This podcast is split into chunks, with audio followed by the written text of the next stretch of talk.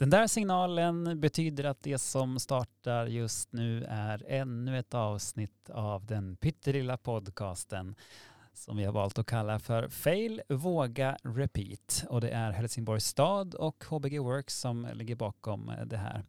Tommy heter jag, Lovisa vid min sida. Eh, vi har som vana att bjuda in eh, två spännande gäster kring ett gemensamt eh, tema. Och idag har vi två spännande gäster med oss. Lovisa, vilka då? Ja, vilka då? Jag tänker det är nästan roligast om ni introducerar er själva. All right, kör. Okej, okay. eh, Simon Melin, eh, förskollärare och eh, IKT-pedagog och eh, produktägare till Laiban. Fint. Och så har vi ju dessutom med oss en annan gäst, nämligen Troel Troedsson och jag är analytiker och strategikonsult. Jättekul att ni båda är här. Vi hade ju tänkt att eh, det övergripande temat för det här samtalet skulle handla om digitalisering i skolan. Och det är någonting som ni båda ägnar er åt. Simon, kan inte du berätta lite mer? Du är alltså produktägare för en prototyp som kallas för Laiban. Ja, det, det är nytt. Det är en AI i förskolan som vi utvecklar här i Helsingborg ett projekt med skol och fritidsförvaltningen och eh, här HBG Works, digitaliseringsavdelningen. Mm -hmm. Så, och den produkten heter Laiban.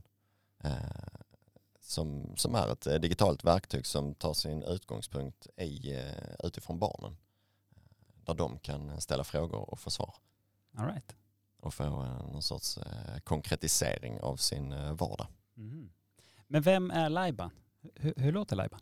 ja, jag kan ni kan få lyssna här. Eh, så då, just nu sitter den uppe som en prototyp på tre förskolor. Rå, Lussebäcken och Drottninghög. Och eh, då kan det låta så här, till exempel om barnen går fram till en iPad som sitter uppe på en vägg där Laiban finns idag och eh, ska klä på sig när de går ut. Det verkar vara kallt ute. Låt oss se vad ni ska ha på er. Är ni redo? Och då har de alltså tryckt här på, på väggen på en ikon som visar att de ska gå ut. Och sen så trycker de vidare varm tröja, jacka, överdragsbyxor, skor, mössa, vantar. Och sen så klär de på sig utifrån det. All right. Så det är ett exempel. Sen så kan de kolla vad det blir till lunch och eh, vad klockan är och dagens datum. Eh, och det är eh, så som den är testad i prototypen. Och nu håller vi på att utveckla den. Just det. Spännande. Och jag tänker Troen, du och Simon, ni träffades ju för ett par veckor sedan. Ja. Och eh, för mig är du en sån här härlig person som är engagerad i många saker och bidrar med mycket klokhet. Vad tänker du kring det här? Jag tänker, på vägen hit i bilen så tänker jag säga digitalisering och skola och digitalisering och lärande och, och, och det finns så oerhört många infallsvinklar. Det här med att, att både vänja barn vid att, att hantera, att leva i en digitaliserad miljö. Alltså att, att, faktiskt kommunicera med en iPad. Att fråga en iPad vilka kläder man ska ha på sig istället för att fråga eh, någon som man kanske inte får tag i. Det, det, är ju en vinkel. Och den är nästan lite självklar därför att alla människor måste interagera med teknik så småningom. Så lär vi oss inte det i förskolan så måste vi lära oss det någon annanstans. Men sen finns det en massa andra vinklar också som, som det här också handlar om. Men vad, vad händer när vi som system får på något sätt fingret på pulsen. Vad är det folk frågar om? Tänk det här fast mycket mer komplext. Och så hundratusen barn som varje dag frågar systemet saker. Vad skulle vi kunna lära oss om barn och barns uppväxt och barns upplevelser genom att bara så att säga, tjuvlyssna på frågandet fast i, i stora statistiska högar. Mm. Och det pratar vi än så länge väldigt, väldigt lite om. Det systemiska lärandet som, som digitalisering möjliggör och som förutsätter digitalisering. Spännande och en annan grej som jag tycker är roligt att ha dig här idag det är ju att du har ju också jobbat inom staden. Ja. Men för flera år sedan. Hur många år sedan som helst. Ja. ja. Vad är den största skillnaden från det att du jobbade till att du kommer in och ser staden på lite nytt sätt nu? Om man ska vara lite, lite krass, men det handlar naturligtvis mer om mina egna förväntningar, så, så får man ju den här känslan, det är många som får, att här har inte hänt så värst mycket. Eh, och det är ändå 20 någonting år sedan jag slutade.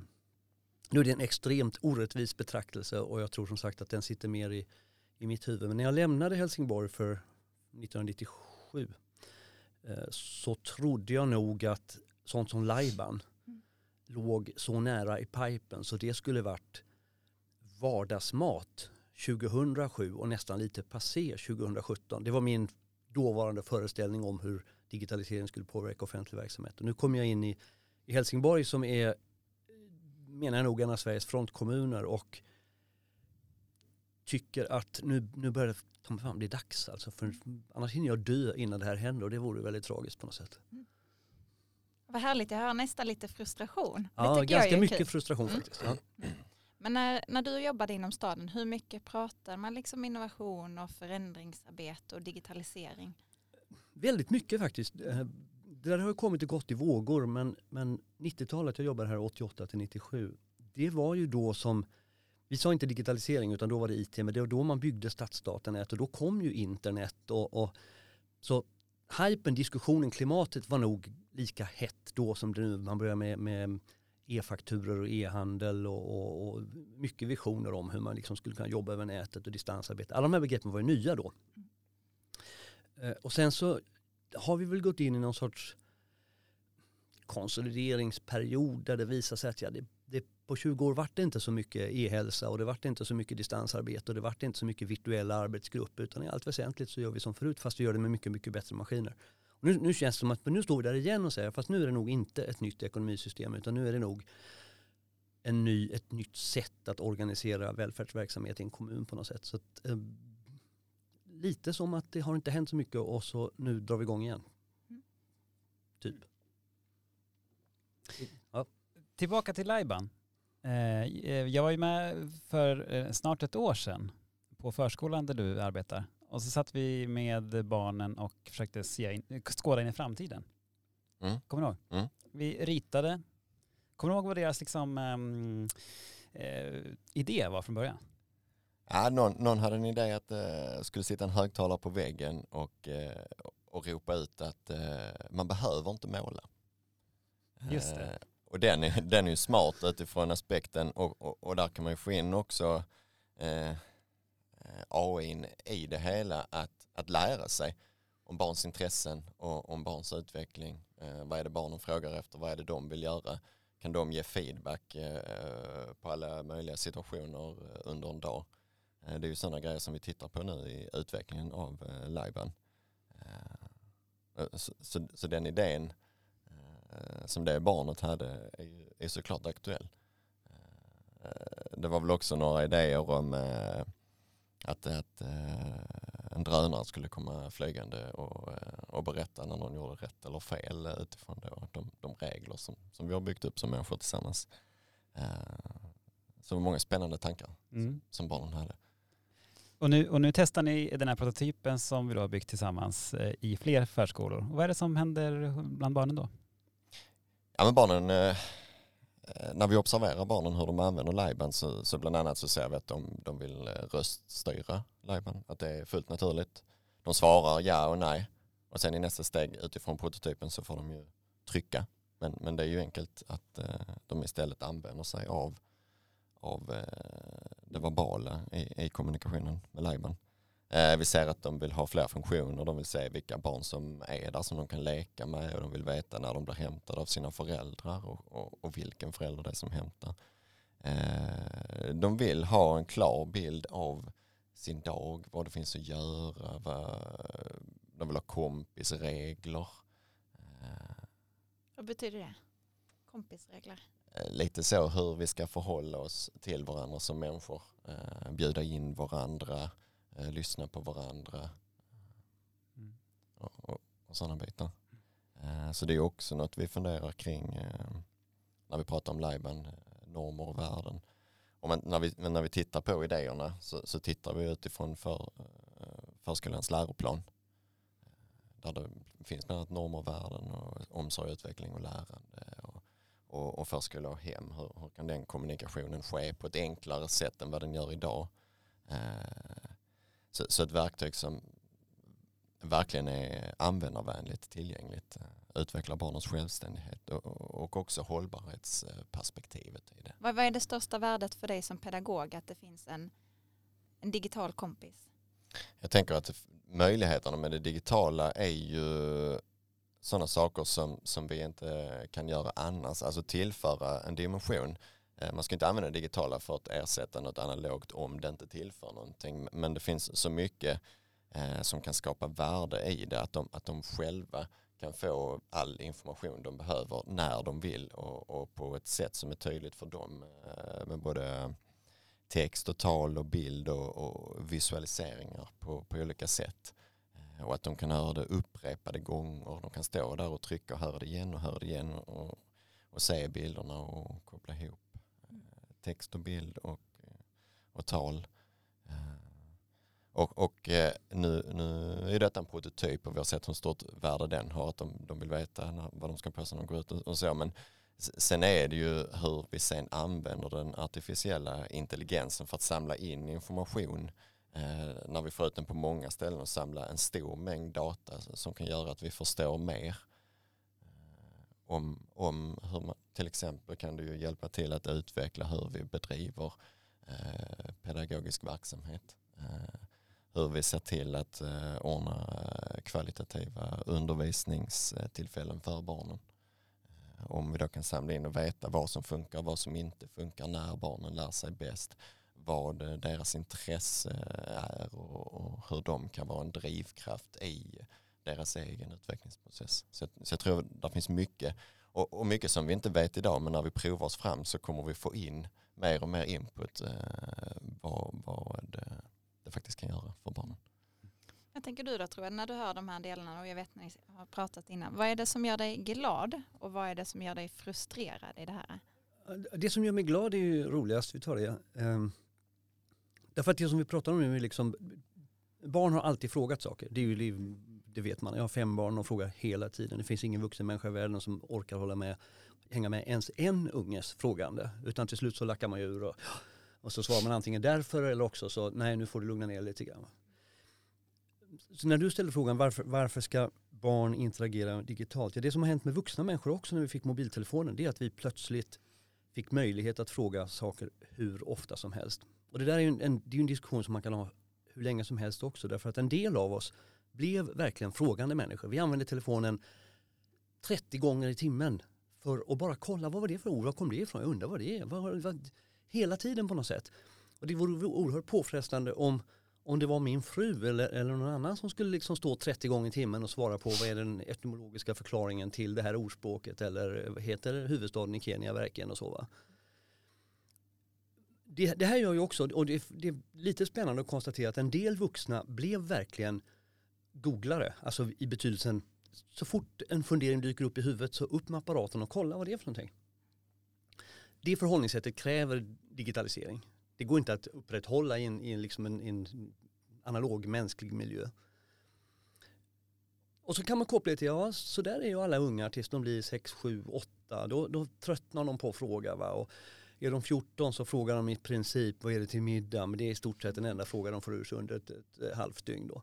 Och kan man, kan man med det här få dem att fortsätta vara frågande människor så är det ju, det är nästan svindel på det på något sätt. Att, att människor växer upp och är fullständigt vana vid att ja, 40 gånger i timmen så har man en fundering som man reder ut med extern hjälp då, inte gubbklurar själv då utan så det, det, tycker jag är en, det är en rolig bild som svar på frågan varför ska de, varför ska de umgås med digitala plattformar. Um, vad blir jag frustrerad av? Jag blir frustrerad av folks, tycker jag då, fullständigt eh, fobiska diskussioner kring skärmtid och kring eh, dumheter av typen ja, barn har rätt att vara barn. Som om det skulle vara ett, ett, ett, argument som gör att därför får de bara leka med kottar och pinnar. För annars så, det kan jag bli frustrerad över. Jag blir frustrerad över också att inte tillräckligt många sätter ner tillräckligt starka fötter och säger nu snackar du skit. Bara. Mm. Mm. Och det där tycker jag är jättespännande för jag och Tommy var och hälsade på dig Simon, vad var det, två, tre år sedan mm. på förskolan där du jobbar. Och då vet jag att vi pratar just om det här, ja men jaha, man ska hålla på med digitalisering i skolan. Och vi pratar ju också om hur tar föräldrarna emot det här och så. Men då kommer jag ihåg att du berättade att men vi tränar dem ju i när vi använder det och hur vi använder det. Att man vet att när man är i skolan då använder vi på det här sättet. Så att där håller jag med dig, jag tror att det handlar om hur man använder saker. Jag tror inte heller på förbud. Och jag har tänkt på det nu när mobillådan blev årets julklapp, det är jättespännande. Ja. Jag tycker det, det, det är kul för att det säger någonting om tiden vi lever i så. Men hur skulle du drömma att det var då? I skolan eller i världen överhuvudtaget eller? Du får tolka frågan precis okay. som du vill. Jag skulle ju önska att alla människor var mycket, mycket mer framåtlutade. Att alla människor svarar på frågan vad i hela fridens namn ska jag, ska jag använda? Jag har en teknik som gör mig nästan omnipotent nu. Vad ska jag ha den till? Vad är det som skulle kunna jag skulle kunna komma så fruktansvärt nära den gamla bilden av Gud så det är nästan skrämmande. Jag skulle vilja att alla människor hade den jäklar känslan. Istället för att någon idiot sitter och hittar på att men då ska vi ha en mobillåda så ber vi alla släktingar till jul att lägga sina telefoner i den. Så vi kan få krypa tillbaka under stenen som vi, vi kommer ifrån. På något sätt. Mm. Så mer framåtlutade människor. Mm. Och där tänker jag också på de här barnen som har varit med och testat Lajban. En del av dem har ju varit här också på HBG Works i, tidigt i utformandet. Mm. Och då kommer jag ihåg, eh, för de skulle gå in på så här användartester och ge feedback då. Och då var det några av barnen, så pratade med dem så, så var det så här, ja men okej vi har en digital kompis, vad ska man ha den till? Och det som jag tyckte var så otroligt roligt då var ju att de var ju så nyfikna på kompisen. Vad tycker de om att äta och vad är det för typ av lekar? Och det är lite som det du är inne på tror jag också, att det säger så otroligt mycket om barnen och deras förväntningar på världen mm. och vad de vill veta. Och det tycker jag, det är ju liksom lite nästnära mm. nivå. Eh, så jag tycker det är roligt att drömma om också om vi mm. på riktigt bjöd in barnen. Och helst för lite vuxna som behöll det här eh, naiva, nyfikna ja, också. Ja, precis. Mm. Mm. Kopiera dem lite grann. Ja, vad tänker du då? Jag gillar att eh, pratat om att vara framåtlutad och jag tänker eh, efter att ha lyssnat på dig ganska nyligen tror jag när du pratar om saker och ting eh, så blir jag så himla inspirerad och så sitter jag med en stor fråga. Vad är det som, vad är det som liksom driver dig att prata om alla de här sakerna? jag antar att du vill pusha saker i en, i en riktning och du, du verkar vara ute mycket och, och prata runt Eh, och får tusen frågor om dagen antar jag. Eh, vad håller dig framåtlutad? Det är nog det du säger, det blir också sådär väldigt floskelartat på något sätt, men att, att världen skulle kunna vara en väldigt mycket bättre plats än vad den är. Eh, och, och ska man bli allvarlig en liten stund så de som, jag lider ju inte av att världen är bättre eller sämre. Jag har ett fantastiskt liv. Mina ungar har ett fantastiskt liv. Skitsamma vem som sitter i regeringen och sådär. Vi kommer i alla fall att ha fantastiska liv. De som inte har bra förutsättningar, det är de som kommer i kläm om världen är mindre bra än vad den skulle kunna vara. Och då är det liksom, vår skyldighet på något sätt att, att använda det svängrum vi har till att försöka förbättra. När man väl har sett det här, så här skulle det kunna vara istället. Skolan skulle kunna vara mycket bättre än vad den är. Um, sjukvården skulle kunna vara mycket bättre än vad den är. Matchningen på arbetsmarknaden skulle kunna vara, och när jag tycker att jag har sett hur det pusslet skulle kunna läggas så är det svårt att eh, liksom säga, fast det är ju inte min sak. Nu går jag hem och, och jobbar i kolonilotten eller någonting. Utan då, då, när man väl har sett att det går att lägga om det här pusslet på ett annat sätt så försöker man ju hålla på med det. Typ. Ja. Men, det, men, det verkar ändå finnas någonting som är centralt för, för det som du pratar om. Ehm, jag tänkte mycket på det, jag vet inte om, du, om det är det som du driver, men, men de tankarna jag fick handlar mycket om att här, eh, när man blir vuxen så verkar det som att man också blir mindre, ny, mindre och mindre nyfiken, att det är mm. liksom en norm att den här nyfikenhetskurvan bara ja, går ner. Eller man blir, och trygghet, så att man blir någon slags trygghetsknarkare, vilket gör att man inte vill ifrågasätta så mycket. Nej. Vad fanken är det som händer? Ju äldre folk blir, verkar det som, så blir det sådana nedåtgående kurvor. Och det, jag tror det är sant som, om man pratar om stora grupper, men det är inte sant för individer. Det finns överraskande obehagligt många alldeles nyexade unga människor som är totalt onyfikna. Och det finns en inte så pytteliten grupp, 50-åringar, 55-åringar, 60-åringar som, som letar och söker och far omkring och sådär. Så men varför är de varför är de fler? Jag tror att det, det, det, är en jättekomplicerad historia för jag tror att det som händer är att det här systemet vi har premierar stabilitet och tradition. De som får mycket att säga till om, de som får skriva på Dagens Nyheter, de som får synas i tv och sådär är därmed per definition de som tycker om trygghet och tradition. För hade de inte tyckt om det hade de inte blivit chefredaktörer på DN. Och därför så förstärks deras röst på ett, ett självsvängande sätt som om man vore ljudtekniker så skulle man liksom dra i equalizern lite grann och säga att men det här måste vi ta bort. Va? Eh, men, men etablissemang föder etablissemang. Det är, eh, det är liksom självspelande. Och det här är ju såklart applicerbart på en organisation. också. Ja, absolut. Att, att det finns Ja. motsvarande processer. Ja, och hur, hur fanken bryter man dem då? Eller hur, liksom, hur Jag tror, man, jag, tror, jag tror man bryter dem på två sätt. Antingen så, så händer det ändå. Jag pratar ju ofta om att nya saker görs av människor som inte har varit i branschen förut. Eh, Därför att de som var i branschen gjorde det inte. Trots att det var möjligt på något sätt. Eh, Men det tror jag inte man behöver vara dömd att göra. Utan jag tror också att man skulle kunna säga just eftersom vi är i branschen och etablerade så måste vi själv bryta upp vår etablissemangsstruktur. För om vi inte gör det så, så hjälper det liksom inte att vi säger nya saker eller pratar om nya saker. Utan vi måste, vår, vår verksamhet har kristalliserats liksom. Och vi måste bryta upp den kristalliniska strukturen så att verksamheten blir mjuk och fluffig igen. Och då kan vi bygga något nytt av den. Men, men tillsätter vi inte mjukgörare så, så är organisationen i sig själv en tegelfort liksom. Mm. Vad, vad tänker du Simon när du hör det här? Ja, eh, nej, men jag tänker att eh, lite intressant är det ju om man, ja men det handlar mycket också kanske om att få folk som, som normalt inte söker sig till vissa branscher att, att komma till en sån bransch att man försöker eh, locka till sig människor på olika sätt. Eh, sen tänker jag väl också att eh, jag vet inte, det är svårt att få till det där att våga att våga göra saker som inte bara är samma som man gör varje dag. Att våga prova nytt och våga, våga göra fel och våga misslyckas på vägen. Eh, Och det är ju alltid en svår nöt att knäcka hur man får folk Ja, och då, jobb, då jobbar du ändå i en organisation som påstås vara mentalt åtminstone lite längre fram än andra eh, kommunala organisationer.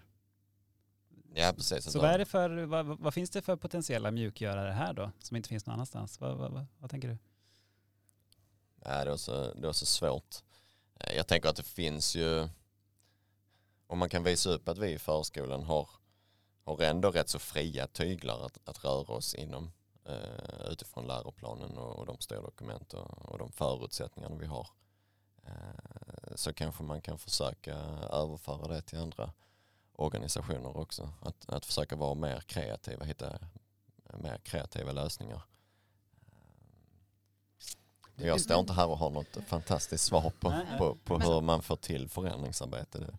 Men där tänker jag, för det är ändå ehm, en grej som vi pratar mycket med kollegor om är ju det här med hur får man utrymme att jobba med förändring. Man kan ju ha ett jättehärligt mindset men man har ändå massa saker att göra. Och du är ju en av de första som jag känner till i organisationen där man faktiskt har valt att du jobbar en dag i veckan ehm, med, vad ska man säga, hur skulle du kalla det? Ditt produktägarskap eller? Ja precis, som produktägare. Ja. Som, som att utveckla någonting som går utanför ramarna. Mm. Att, eh, Och visst är det så att den här dagen, måndagarna då, Mm. så har du en vikarie inne som har liksom betalt någon för att du ska kunna få Ja, tid precis. till annat. Ja precis. Och det har inte jag hört så många om, men jag tror också att det är vägen att gå om vi på riktigt menar allvar med att eh, förändra. Men hur hände det just dig? För någonting har du ju gjort ändå för att du ska få jobba på det här nya sättet tänker jag. Ja precis, alltså det, det är väl många, eh, det är väl en eh, sorts eh, dominoeffekt av att, att jag har gjort olika saker.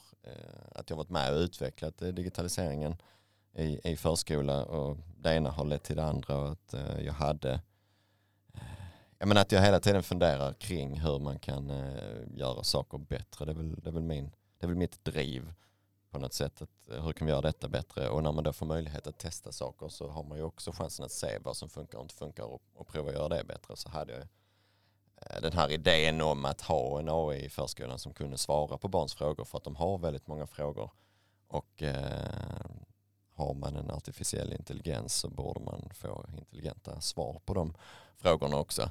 Ehm, så, så det lilla fröet hade jag ju med mig hit till HBG Works när skol och fritidsförvaltningen eh, bjöds in att samarbeta med digitaliseringsavdelningen. Eh, och sen så gick den idén vidare i, i olika led i processen. Eh, vilket då ledde till att jag till slut blev eh, produktägare för detta. Eh,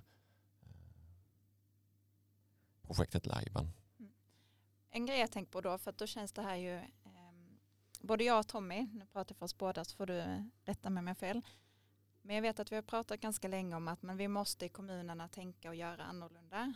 Under alla åren jag har jobbat här så har man ju liksom pratat om att hej, vi blir fler äldre, vi blir fler yngre, vi har färre som betalar in pengar så antingen måste vi höja skatterna. Det här kan vi ganska bra. Mm. Men för mig så har det varit en ganska stor skillnad sista året. Jag märker att i väldigt många verksamheter så känns detta väldigt tydligt. Man har faktiskt fått dra ner ganska mycket och det slutar kollegor och man får eh, de som är kvar får ju mer att göra. Och det är ju en annan typ av förändring. Det är ju inte de här kanske superpeppade kollegorna som kommer och skriker hej jag har en ny idé utan här är en annan verklighet. Eh, och i alla fall jag kände så här, oj, här behövs, det är därför behövs vi, men det är lätt att kolla på någon som jobbar med att driva förändringsarbete och tänka varför finns du mm. när jag skulle kunna ha min kollega kvar. Vad tänker ni kring det? Jag tänker det finns ett begrepp som är några årtionden gammal som man säger utvecklingsanorexi.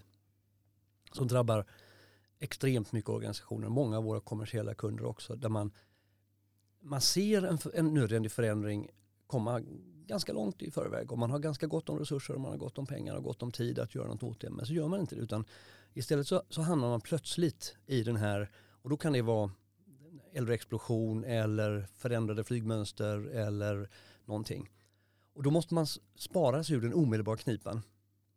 Och det man fort gör det är att man spar sig till en punkt där man inte längre har muskler att förändra sig. Och, och de musklerna behöver inte vara, det behöver inte vara utvecklingsfolk utan det kan vara liksom tid över hos människor i verksamheten bara. Alltså ska de göra något nytt så måste de åtminstone ha en kvart varje dag att sätta sig in i det här nya. Men har man börjat med att liksom slicea ner verksamheten så att en kvart och en kvart till är borta. Då har man kommit till en, en, nästan en point of no return där det inte längre finns. Det finns inte tid och det finns inte engagemang och det finns inte pengar att göra det som behövs för att göra svängen. Eh, och det, det, jag tror inte offentlig sektor är där ännu säkert på många ställen, i kommuner i glesbygd och sådär. Men, men vi kommer att hamna där om vi inte skyndar oss. För då, då kommer vi vara på en punkt där vi måste se till att folk överlever. Det finns inte en krona kvar till att bygga ny välfärdsverksamhet. Vare sig det är digitaliserad eller något annat. Mm. Ja, för det som jag tänker där som jag tycker är svårt för Helsingborg tycker jag ändå att vi tar ut svängarna och säger jo men vi mm. måste spara och att jag tycker man ändå mm. försöker göra det i tid och säger att vi ska satsa. Sen tror jag att det är svårt att eh, komma till insikt förrän man börjar känna det på riktigt för då mm. förstår man oj men det här är ju allvar. Men det som jag tycker är klurigt är ju det upplevet som jag, eller det glappet som jag upplever. Mm. Att vi pratar ibland eh, om just det här med översättningsförmåga, men varför ska vi göra annorlunda sådär? Och jag är liksom rädd att det blir ännu större eh, vad ska jag säga, glapp i organisationen. Mm. Mellan de som sitter och gör vissa grejer och de som jobbar med ja. förändring. Och, och det hänger ihop lite med det vi pratade om förut. För att eh, rätt som det så så har man bara kvar människor som gör saker på riktigt. Eh, alltså lärare, det är bara lärarna kvar i skolan, så är det bara sjukvårdspersonal kvar i sjukvården. Och, och kruxet med det, och det, här blir folk alltid vansinniga när man säger, men kruxet med det är att att förändra skolan är inte ett läraryrke. Det är ett annat yrke. Mm. Eh, att förändra transportbranschen görs inte av chaufförer. Och, och, problemet är att de duktigaste chaufförerna är förmodligen de som har allt att förlora på att transportbranschen branschen görs om. Vare sig vi pratar drönare eller vi pratar eh, självkörande fordon eller vi pratar att kan inte kunden komma och hämta grejerna själv på postkontoret eller vad det är. Ja, de som sist kommer att tycka det är naturligtvis åkeriets duktigaste lastbilschaufför. Och har vi börjat med att spara bort så att de enda vi har kvar är åkeriets duktigaste lastbilschaufförer. Då är det inte bara det att vi inte har tid utan vi har heller inte den kompetens som behövs. Och då ökar tar man då ändå in någon sorts organisationskonsult inom citationstecken eh, så, så är ju den här föraktvallgraven är ju gigantisk. Den kommer vi liksom inte komma över. Och ändå måste vi hela tiden påminna verksamhetsfolk om att verksamhetsförändring är inte en verksamhetsprofession. Att göra om sjukvård är inte en medicinsk specialitet utan det är en annan specialitet och så kan man diskutera vilken men det är inte läkare som ska göra om sjukvården. Jag blir lite nyfiken för när man pratar med människoförändring så, eh, så är det så roligt att se om man är optimist eller om man inte är det och det kan ju pendla. Vad skulle ni sätta er på skalan? Pendlar ni eller har ni liksom? Oj, ja men ja man jag vet inte, man pendlar väl lite, lite fram och tillbaks. Uh, och egentligen för mig handlar det lite som du var inne på tror innan vad man tror om världen. För jag tror båda saker blir mycket bättre men jag tror också att det finns mycket som är väldigt dåligt. Mm. Och ibland är jag jätteoptimist och andra dagen så blir jag superdramatisk. Har jag läst Factfulness och verkligen lärt mig att jag ska jobba med min dramatiska instinkt. För jag kan ju tro att hela mm. världen går under imorgon. Eh, så jag pendlar ju. Eh, från eh, jätteljus till jättemörker. Så det är det jag tänker, liksom hela världen och hela utvecklingen. För varför ska vi annars liksom orka hålla på? Eh, jag tror mer att, eller jag vet inte, eh, om, man, om man mer försöker bidra, alltså tänka utifrån sig själv, vad man själv kan bidra med för att eh, öka förutsättningarna för, för en bättre värld. Eh, jag tror jag landar mer där, att, att se vad man, vad man kan göra för nytta. Eh, och kanske inte, kanske inte på alla plan, men, men liksom det man kan påverka och det man är bra, att man eh, verkligen gör det. Eh, Tror jag. Jag, jag är ju i allt eh, utvecklingsoptimist. Så att har man bara en, en tycker jag, en, en vettig skala så är det ställt utom varje tvivel att världen har blivit en bättre plats varenda år sedan Big Bang på något sätt. Och det vore så fruktansvärt osannolikt att just jag skulle få uppleva när vi pikar efter miljoner år av, av utveckling. Va? Så att det blir nog en bättre plats nästa år också. Mm. Och, det, och det, det, är ju det som händer. Alltså, Medan vi pratar och medan man kan oroa sig över politiska trender och, och eh, skit och tiggare och vad det nu kan vara för någonting så är sanningen fortfarande att medan vi pratar så är det fortfarande ett jättestort antal människor som just nu lyfts ur fattigdom och så är det ett jättestort antal människor som överlever en sjukdom som de inte hade överlevt för ett år sedan. Så, så att världen blir ju bättre. Det är liksom, för mig det är tveklöst. Sen kanske det blir sämre i Eslöv under fyra år framåt. Då får man väl jobba med det på något sätt. Men det är ju lokal regnskur. Ett, eh, men ett annat sätt också att eh, tänka kring förändringsarbete är ju att eh, skillnaden mellan privata aktörer och, och då offentliga är ju att de offentliga försvinner inte. Men, men det måste ju de privata beakta. Det är ju, det är ju ingen av oss som har en Nokia eller en Ericsson liggande i Nej. fickan just nu. Men det behöver man inte eh, beakta i den offentliga sektorn på det sättet. Men vill man ha bra förutsättningar så, så måste man förstå då att även förändringsarbete krävs i den offentliga sektorn. Eh, och att man måste satsa på det. Och kanske skulle man i offentlig sektor, det här måste jag uttrycka på ett sätt som gör att det blir bra och inte misstolkas. Men privata sektorn berömmer sig ofta själv av att vara väldigt förändringsbenägen. Men det är precis som du säger, att ja, fast de förändras ju i huvudsak genom att de som är dåliga går konkurs och så är det mm. någon annan som gör något istället. Ja. Och det kan vi på, liksom av en massa bra skäl inte tillåta oss i offentlig sektor. Men då borde vi kanske fundera på hur ser en mekanism ut som, som ändå tillåter den sortens evolution. Alltså inte att saker går konkurs men då får vi väl artificiellt se till att dåliga saker fasas ut och bra saker ersätter dem. Därför att dåliga saker kommer inte att bli bra saker av sig själv utan de bara överlever ju då så länge som vi har pengar. Som någon sorts eh, liksom, artificiell evolution i offentlig sektor skulle man behöva kanske som, som ersätter den hårda marknadens Ja det vore ju spännande. Mekanismer. Mm. Ska vi ta en till om den här eh, vad gör dig glad och vad gör dig frustrerad? Jag gillar den. Mm. Um, Ska det bli vår slutrunda? Precis, vi måste mm. börja runda av. Mm. Och allmänt sett, vad gör dig frustrerad just nu? Nej, men jag hänger på lite det vi var inne innan. Eh, jag tycker det är spännande om vi tar cirkulär ekonomi som eh, ett exempel. Det är ju poppis som många pratar om det. Och om jag jämför då med mitt jobb i eh, organisationen så märker jag med vissa uppdrag som jag har varit involverad i att när man bara fått in det i linjen och det funkar så är det ju bra. Och då kan jag säga fast det vi har fått in i linjen är ju inte bra. och då mm. tänker jag att om det här, om vi tror på cirkulär ekonomi så måste vi rensa ut skiten ur systemet. För att jag har ju många kollegor och jag själv också som känner att oh, vi har så mycket att göra.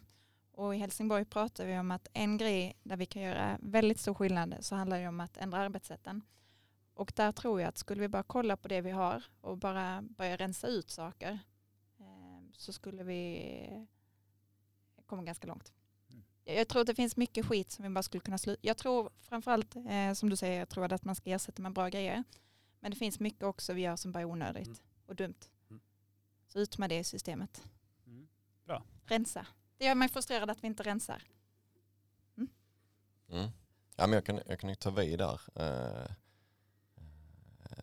det, är väl, det är väl också vad jag känner som är frustrerande. Mm. Att, att, att det finns möjligheter uh, att faktiskt effektivisera och utveckla arbetsmetoder inom många områden så, så att det blir bra jag vet inte, frustration och, eh, och glädje kanske möts men, men jag tänker att, att vi kanske är på ett ställe där vi kan utnyttja digitaliseringens möjligheter eh, för att faktiskt eh, förbättra verksamheter. Så det tror jag på. Men, men, det handlar mycket om att det ska tillföra, tillföra rätt, att inte få saker att se bra ut utan att få bra saker att synas snarare. Mm. Det var, få bra saker att synas är en, det är ett, ett episkt motto. Ja, Det skulle du kunna ha på en t-shirt. Eller? ja. Ja, bra. Ehm, det som får mig frustrerad är, jag, tänker, jag tar vidare, du, du, eh, det som får mig frustrerad är att vi tar nya företeelser och stoppar in i gamla former. När e-sport till exempel diskuteras att bli medlem i, i Riksidrottsförbundet på olika sätt. ehm, Så, så istället för att titta ut på e-sport och säga men det här är folk som har organiserat sig på ett helt annat sätt. Alltså det liknar ju inte alls en idrottsförening. Istället så diskuterar man att liksom ta in företeelsen e-sport i Riksidrottsförbundet fast i så fall måste e-sportarna organisera sig som ett idrottsförbund från 1912. Och så där gör vi i kommunerna också. Vi, vi hittar nya företeelser och så knör vi in dem i vår gamla organisation. Det hade varit mycket bättre om vi sa skit i e-sporten men hur, fan har, de- hur, hur, hur, har de- hur har de samarbetat? Skulle vi inte kunna plocka in det i fotbollsförbundet så får de fortsätta spela fotboll men på, på en annan infrastruktur. Liksom. Min frustration är att eh, jag upplever att allting går så eh, himla långsamt. Eh, alltså det jag jobbar med om dagarna. Vi började jobba med det där för snart ett år sedan, det som blev Lajban. Nej, mer än ett år sedan. Och ehm, det är väl en helt okej utvecklingstakt säkert. Men jag skulle vilja se ännu raskare eh, steg på något vis. Ska vi avsluta? Alltså det är så roligt för jag, jag och Tommy var på en konferens när vi precis hade blivit kollegor. Eh, och det var jättehärligt. Men det var bara det att de vi träffade i rummet eh, var ganska nya bekantskaper och eh, hela konferensen avslutas med att jag skriker frustration. Jag trodde att någon skulle ta vid och tycka någonting om det men ingen gjorde det så det var sorti på två dagar tillsammans. Just det, men de andra var ju så himla nöjda över de här konferensdagarna medan Mm. vi satt och liksom hoppade på stolarna och sa vi har ju knappt gjort något, vi har knappt Mm. kommit fram Mm. utan sådär. Mm. Och så skrek du frustration. Ja. Så bra. Men det kan vara bra att avsluta det också ibland. Och det är väl också eh, lite frustration att inte fler blir frustrerande av eh, sådana event. Mm. Utan att alla bara är nöjda. Just det. Jättebra. Okej, vi måste avsluta ändå på en good note. Ja. Ge mig någonting eh, som ni blir glada över. Vad är härligt? Vad är bra? Vad är pepp? Det som är, det som är pepp är att, att hittills så är det här världens bästa plats att vara på.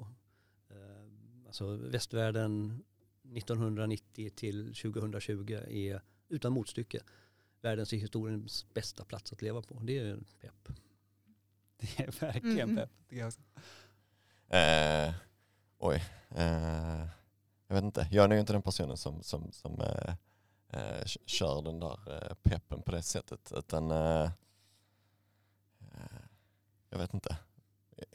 Jag tänker bara att det, det kan ju bli väldigt spännande vad AI faktiskt kan, kan göra i, eh, i, inom skolväsendet. Om vi bara satsar på det och inte är så bakåtsträvande. Vet inte om det var jättepepp. Ja, men det var pepp. jag, tyck, jag tyckte det var pepp. Jag, brukar, eller jag tänker på eh, peppen som, ehm, eller möjligheten tycker jag med digitalisering, det är för att vara ännu mer människa på något vis. Att få Mm, ägna mm. sig åt det vi eh, liksom är bra på, nämligen att vara mänskliga. Mm. Det tycker jag är häftigt, att få ännu mer det. Sen kan maskinerna ägna sig åt andra saker och efterlikna. Det kommer ta lång tid tänker jag innan maskinerna eh, är hyfsat lika oss människor. Eller? Nej men det var precis Kände jag att jag bet mig själv i tungan nu när du eh, var här. Det tror jag. Nej, men jag, tror, jag, jag tror inte alls maskiner kommer bli lika oss människor. Däremot kommer de göra saker som vi fram tills nu har tyckt var jätteviktigt. Budget och skit. Just det. Eh, och då kan vi bli mer människor. Precis Mm. som när, de, när elmotorn kom. Just det. Jo det är precis så jag tänker också. Att, att vi ska ägna oss mer åt det och, Bra. Ja, och precis. tekniken ska ägna sig åt, åt annat och bara göra det smidigt för oss. Och det är så peppigt, för vi vet Ja. så oerhört lite om, vi, om hur vi människor fungerar egentligen. Det tycker jag är pepp. Mm. Eh, och idag blir jag nog mest glad för att jag tycker det är härligt när man pratar med människor som kan vara glada och se framåt. Man kan se problem, saker som är svårt. Men också som bestämmer sig för att nej, men vi vill jobba för att det ska vara bättre. Det spelar ingen roll om jag pratar med min 90-åriga farmor eller mina syskonbarn eller er som kollegor här. Eh, det gör mig glad. Så länge man känner att eh, ja, vi vill fortsätta jobba. Inte bara prata, vi vill jobba. Så blir jag glad.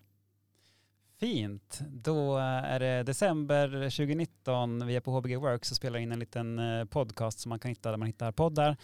Eh, och jag vill tacka er så himla mycket för att ni kom hit. Tack Tack så själva. mycket. Tack. Och du som har lyssnat, om du vill komma i kontakt med oss så gör det via hbgworks.helsingborg.se.